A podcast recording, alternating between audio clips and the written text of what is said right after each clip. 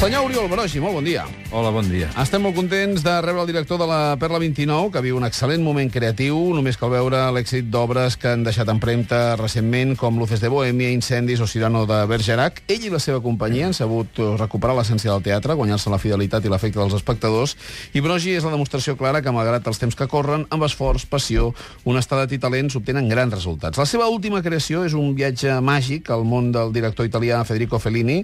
En parlem de seguida, ho podeu veure a la Biblioteca de Catalunya fins al 28 de juliol, però abans, ja que hi érem, l'actualitat ens porta a parlar del tricentenari i d'una cosa que es dirà Rafael de Casanova... Eh, o Rafael. Rafael Casanova, Sí. perquè eh, una dels, una dels gags que tenim és que... t- Tothom li diu malament. Jo, dic, jo deia Casanovas, si no és Casanova, i Rafael de Casanovas, no, Rafael Sí, Casanova. Rafael Casanova. I doncs ell està tota l'estona intentant dir-li en el locutor és una roda de premsa, serà una roda de premsa amb tres actors que, que tindran una part apresa i una part una miqueta improvisada, que representa que es fa una xerrada sobre els actes de commemoració i apareix, per art d'encantament, el mateix Rafael Casanova en persona, amb el seu ajudant, vestits d'època, que han traspassat el temps en un moment en què ells anaven a fer una proclama Mhm. eh, demanant voluntaris pels últims dies del setge.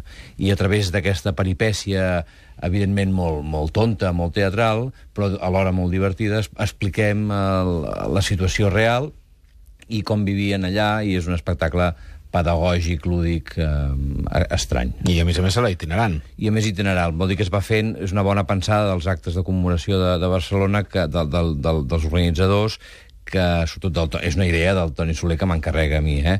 eh d'anar-se fent no en un lloc fixe, sinó que es va fent per, per tots els centres cívics, biblioteques, i a lo millor doncs, un dia podem, podem venir a la ràdio, un dia podem anar a qualsevol lloc, sempre amb el senyor vestit i fent jugant a la broma de que ha passat el temps. No? Mm -hmm. Per què Rafael Casanova i no Villarroel, que semblaria més heroic? Sí, Rafael, clar, eh, realment es va...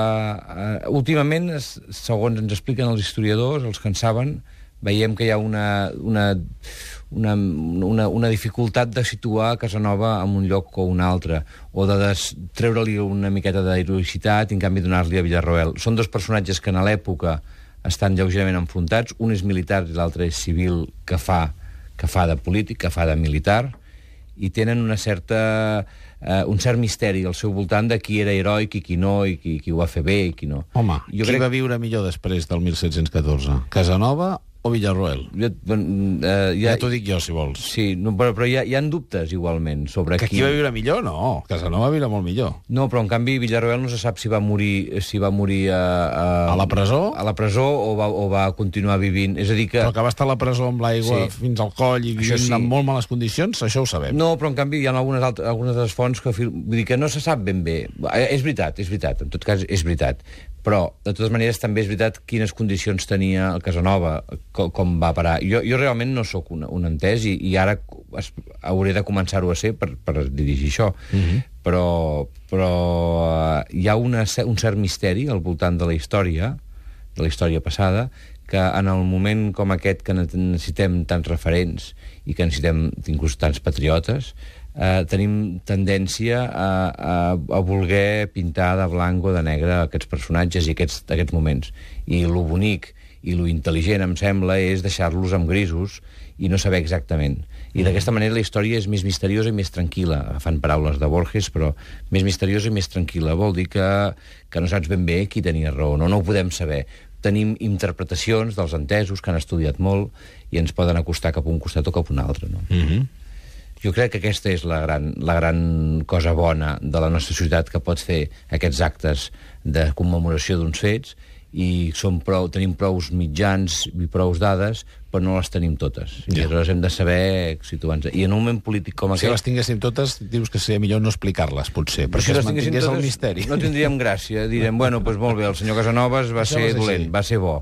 Bé, doncs està bé, fantàstic. Va ser, era el meu tiet, i ho sé perfecte perquè vaig viure amb ell i, i no tindria... No tindria no tind, jo crec que no, no tindria l'interès que pot tenir estudiar aquests fets ara, uh -huh. que és parlar de la nos, del nostre poble, de la, de, de la nostra situació, de, de, de com ha anat la societat fins aquí, que, que, etc.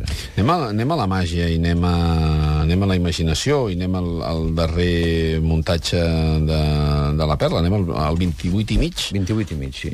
Com neix això? A, a través d'una pel·lícula de, de Fellini que et fascina? Sí, mm, de, neix de diferents, de diferents potes. Hi ha una, un, és veritat que la Perla ha tingut uns certs èxits últimament, sobretot tres grans èxits, que és Luces de Bohèmia, Incendis i Cirano de Bergerac, i hi havia una certa sensació de, no de cansament, perquè ens apassiona el fem i tenim ganes de continuar-ho fent, però sí de, de sensació d'haver arribat a un, a un estadi, a un replà.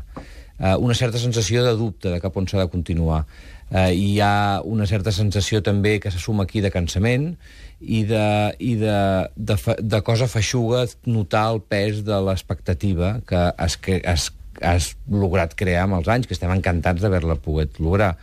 I aleshores aquí hi ha, hi ha una certa sensació de dir què hem de fer, no? Hem de fer una altra obra com aquestes o...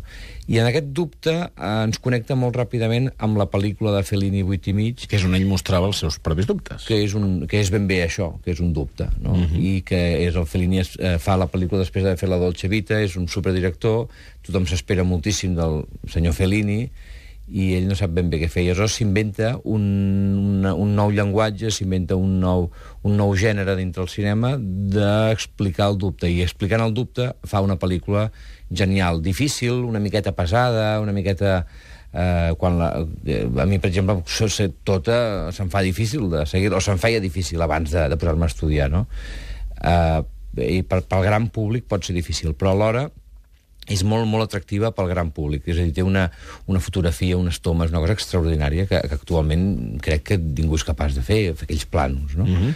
I nosaltres ens trobàvem en una situació molt menys gros, és clar, amb el nostre teatret petit, míser, eh, diguéssim, no, no amb els estudis de xineig darrere, sinó amb, un, amb una cosa molt petita, però en la mateixa situació. Aleshores, vam dir, per què no parlem d'això i alhora aprofitem per parlar de tot el món de Fellini, perquè el món de Fellini ens porta a la màgia del teatre, la, la fascinació pel cine, les històries, en un moment en com el que vivim ara, també tan, eh, tan eh, difícil, eh, i, i, i la realitat, que per ella mateixa ja és difícil i és antipàtica dia a dia, aquesta fascinació per les històries que et puguin explicar, de cine, de teatre, de circ, de poesia, de, de, del, que, del gènere que es vulgui a dintre de, de l'explicació d'històries, sí. a dintre de l'art, a dintre de mirar la, la vida una miqueta diferent, eh, això serà bo. I alhora eh, anem a tocar aquestes coses i trobem que Fellini també toca en la seva pel·lícula molt fortament la relació amb la infància,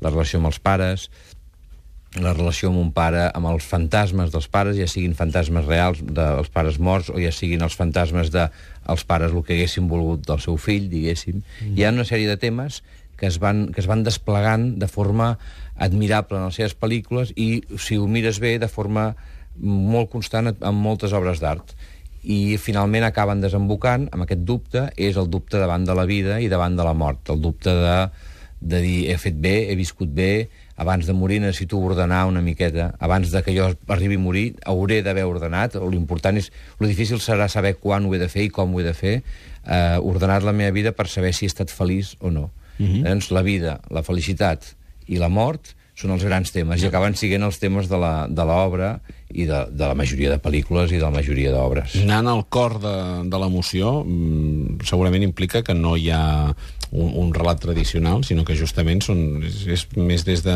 des de les impressions, Sí. des d'allò oníric, des, de, des dels els temes principals Sí. que acaben sorgint d'una manera o d'una altra. Exacte. Però clar, tu li has de donar forma. És a dir, aquí Sí. hi ha una, una gran complicació mm, per fer-ho tan senzill i tan màgic com, com podem veure a la biblioteca, mm, imagino que quan ha d'entrar una projecció o com ha de canviar-se un actor, perquè clar, van de bòlit. Sí, és, és difícil de saber. És, hi ha una part d'ofici, no? És el nostre ofici, i ens dediquem a això, i portem anys dedicant-nos-hi, hi ha unes quantes coses que ja, ja saps que han de ser d'aquesta manera.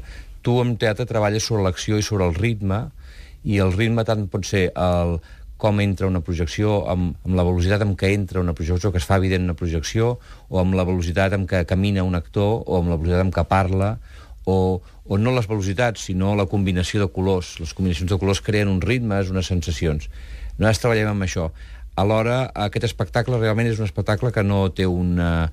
té, té, té una, una, una, unes, unes històries molt ben explicades, eh, molt, molt seguides, molt, molt clares, però alhora no són unes coses que tu hagis d'entendre. És a dir, és un, es- és un espectacle que no has de voler entendre. L'espectador és de sensacions, no, no és de comprensió. I després ja vindrà la comprensió. I la... nosaltres treballem sobre aquest conjunt d'imatges i després li hem de donar una forma. Hem anat assajant durant dos mesos i mig, hem anat provant, provant, ens hem avorrit a ratos, hem, hem tret coses, hem posat altres, i entre els actors, el director i els col·laboradors, que són els dissenyadors, la persona que s'ocupa del vídeo, de la llum, de l'espai, del vestuari eh, amb, amb, en, i del so, entre aquests hem anat, hem anat buscant aquests ritmes i hem anat confegint que aquesta imatge que, que deies tu, sí. que l'espectador veu i que se li fa màgic, sigui perquè tu li vas col·locant eh, elements, no? Sembla que, no est que estigui tot improvisat i està tot mm. eh, superdefinit. Sí, sí, clar. Seria la definició del, de l'ofici del teatre. Tot, tot davant de- d'aquest mur, que és el, el, el desconegut, eh, que és la creativitat, que pot ser l'amor en un moment determinat. Sí. En el teu cas, mm, cap on avança la perla després d'aquest muntatge? Clar, eh, la perla no, no sé gaire cap on avança, no? Realment eh, és curiós perquè nosaltres per un costat ho tenim una miqueta treballat i parlat, som un equip, que tenim un pla i que... I que però alhora tot depèn molt de, de com estan anant les coses. I més en aquest moment, no? Que dius, l'any que ve què farem? Espera't a saber quantes entrades hem venut aquest i doncs a finals de juliol sabrem els diners amb què comptem, no? La caixa que tenim per poder invertir.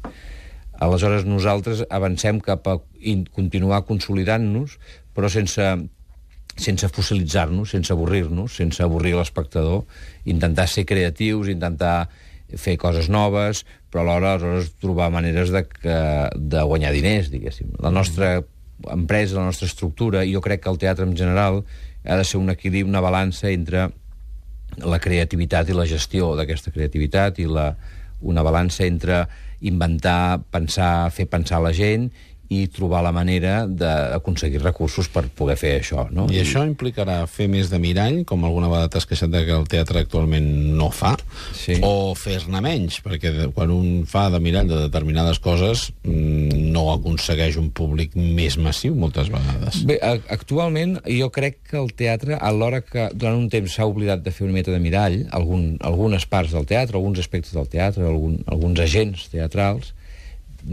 a- alhora ha acabat sent-ho realment. Actualment el, hi ha, no hi ha molts miralls eh, útils en la vida. Hi ha unes tertúlies de ràdio, hi ha unes, unes hores de teatre, els programes de tele jo tinc la sensació que no ho són. Eh, tinc la sensació que als, als anys 80, per exemple, TV3 va aconseguir ser un reflex i va aconseguir estar al davant d'una societat. Actualment tinc la sensació que, que el teatre potser ho és més. I això, ho, ara ho dic jo, ho fa, sembla que ho estigui dient jo, però ho, ho, vaig, ho vaig sentir en paraules del Jordi Balló Sí. que, que fa, fa uns mesos. I em va fer pensar i vaig com evolucionar amb aquesta idea i va ser quan estàvem creant el 8 i mig. Realment, el, actualment, si ets mirall de ciutat, si intentes ser-ho, clar, també fotuda. Tu no has d'intentar-ho ser a totes totes. Tu has de fer allò que et surt i has de crear, has de generar uns mecanismes perquè això pugui, pugui arribar a ser-ho. Eh, crec que l'espectador necessita trobar miralls i no ha de ser total, aquest mirall. No ha de ser el teatre que t'expliqui, sinó que el teatre t'ha d'ajudar t'ha d'ajudar a entendre una part, una, una, una petita part. Uh -huh. eh, crec que d'aquesta manera, buscant això, sí que es poden aconseguir més espectadors en tot cas, en el moment en què vivim, no s'ha de tenir por. Crec que no s'ha de tenir gens de por. Crec que un ha de tirar i ha de fer el, sabent el que està fent i pensant-ho i, i rodejant-se de gent que t'ajudi a pensar, eh, entre tots pensar, perquè un sol no veu, però eh, també alhora no ha de tenir por. Hem de ser valents, ara que és el moment de ser valents. Mm. Els polítics haurien de ser una mica més valents, haurien d'estar invertint, no? El senyor Rajoy hauria d'estar invertint, eh, segurament, no sé, jo no sé els termes, però sí que tinc la sensació de que els, les ciutats en crisi farien bé d'invertir en cultura, de la mateixa manera que farien bé invertir en educació. És el que ens demanen, I I amb- més D, i no ho estem fent. Sí, I més D, exactament. És a dir, investigació, però la I més D famós, eh, eh, crec, crec que és molt important, però que- no, no ha de, no ha de menjar-se D, no? el, la cultura, perquè, perquè la cultura, finalment, és el que farà que l'investigador de l'I més D eh, estigui, se senti alegre. És veritat que el senyor de la cultura necessitarà prendre's una pastilla quan estigui malalt, que se l'haurà inventat el senyor de l'IMSD, eh? no vull dir que, que no sigui important. És obrir espais a la ment. Però, però és, és obrir, exacte. No anar-los tancant. Mm -hmm. En aquest moment necessitem que ens es vagin obrint. El teatre jo crec que s'ha col·locat, perquè com que és una cosa viva, com que és una cosa de sempre, com que sempre ha estat en crisi, com que és una cosa de quatre replegats simpàtics que fan fan cosetes, eh, si, sap, si saps mantenir aquest equilibri entre el que en diem teatre comercial, és a dir, aquell teatre que està fet pensat perquè agradi, i el teatre no comercial, que és el teatre que està fet pensant en que agradi el creador, si tu logres trobar un equilibri mitjà, que és el que tots volem trobar sempre, eh? Eh, buscar, aquest, buscar aquest espai, moure's per aquest espai, doncs ja, ja, estaràs, ja estaràs donant respostes i crec que és important donar respostes. Jo, jo tampoc he dit que no s'han no donat les respostes o que hem deixat de donar-los. Jo dic, dic que hem d'anar amb compte, uh Mhm. -huh. no vull criticar ningú, eh? vull dir que només hem d'anar amb compte a dir, eh, tinguem-ho present, això. Uh Mhm. -huh. Ho tenim a tocar, com a mínim vosaltres, Oriol. Felicitats. Gràcies, moltes gràcies.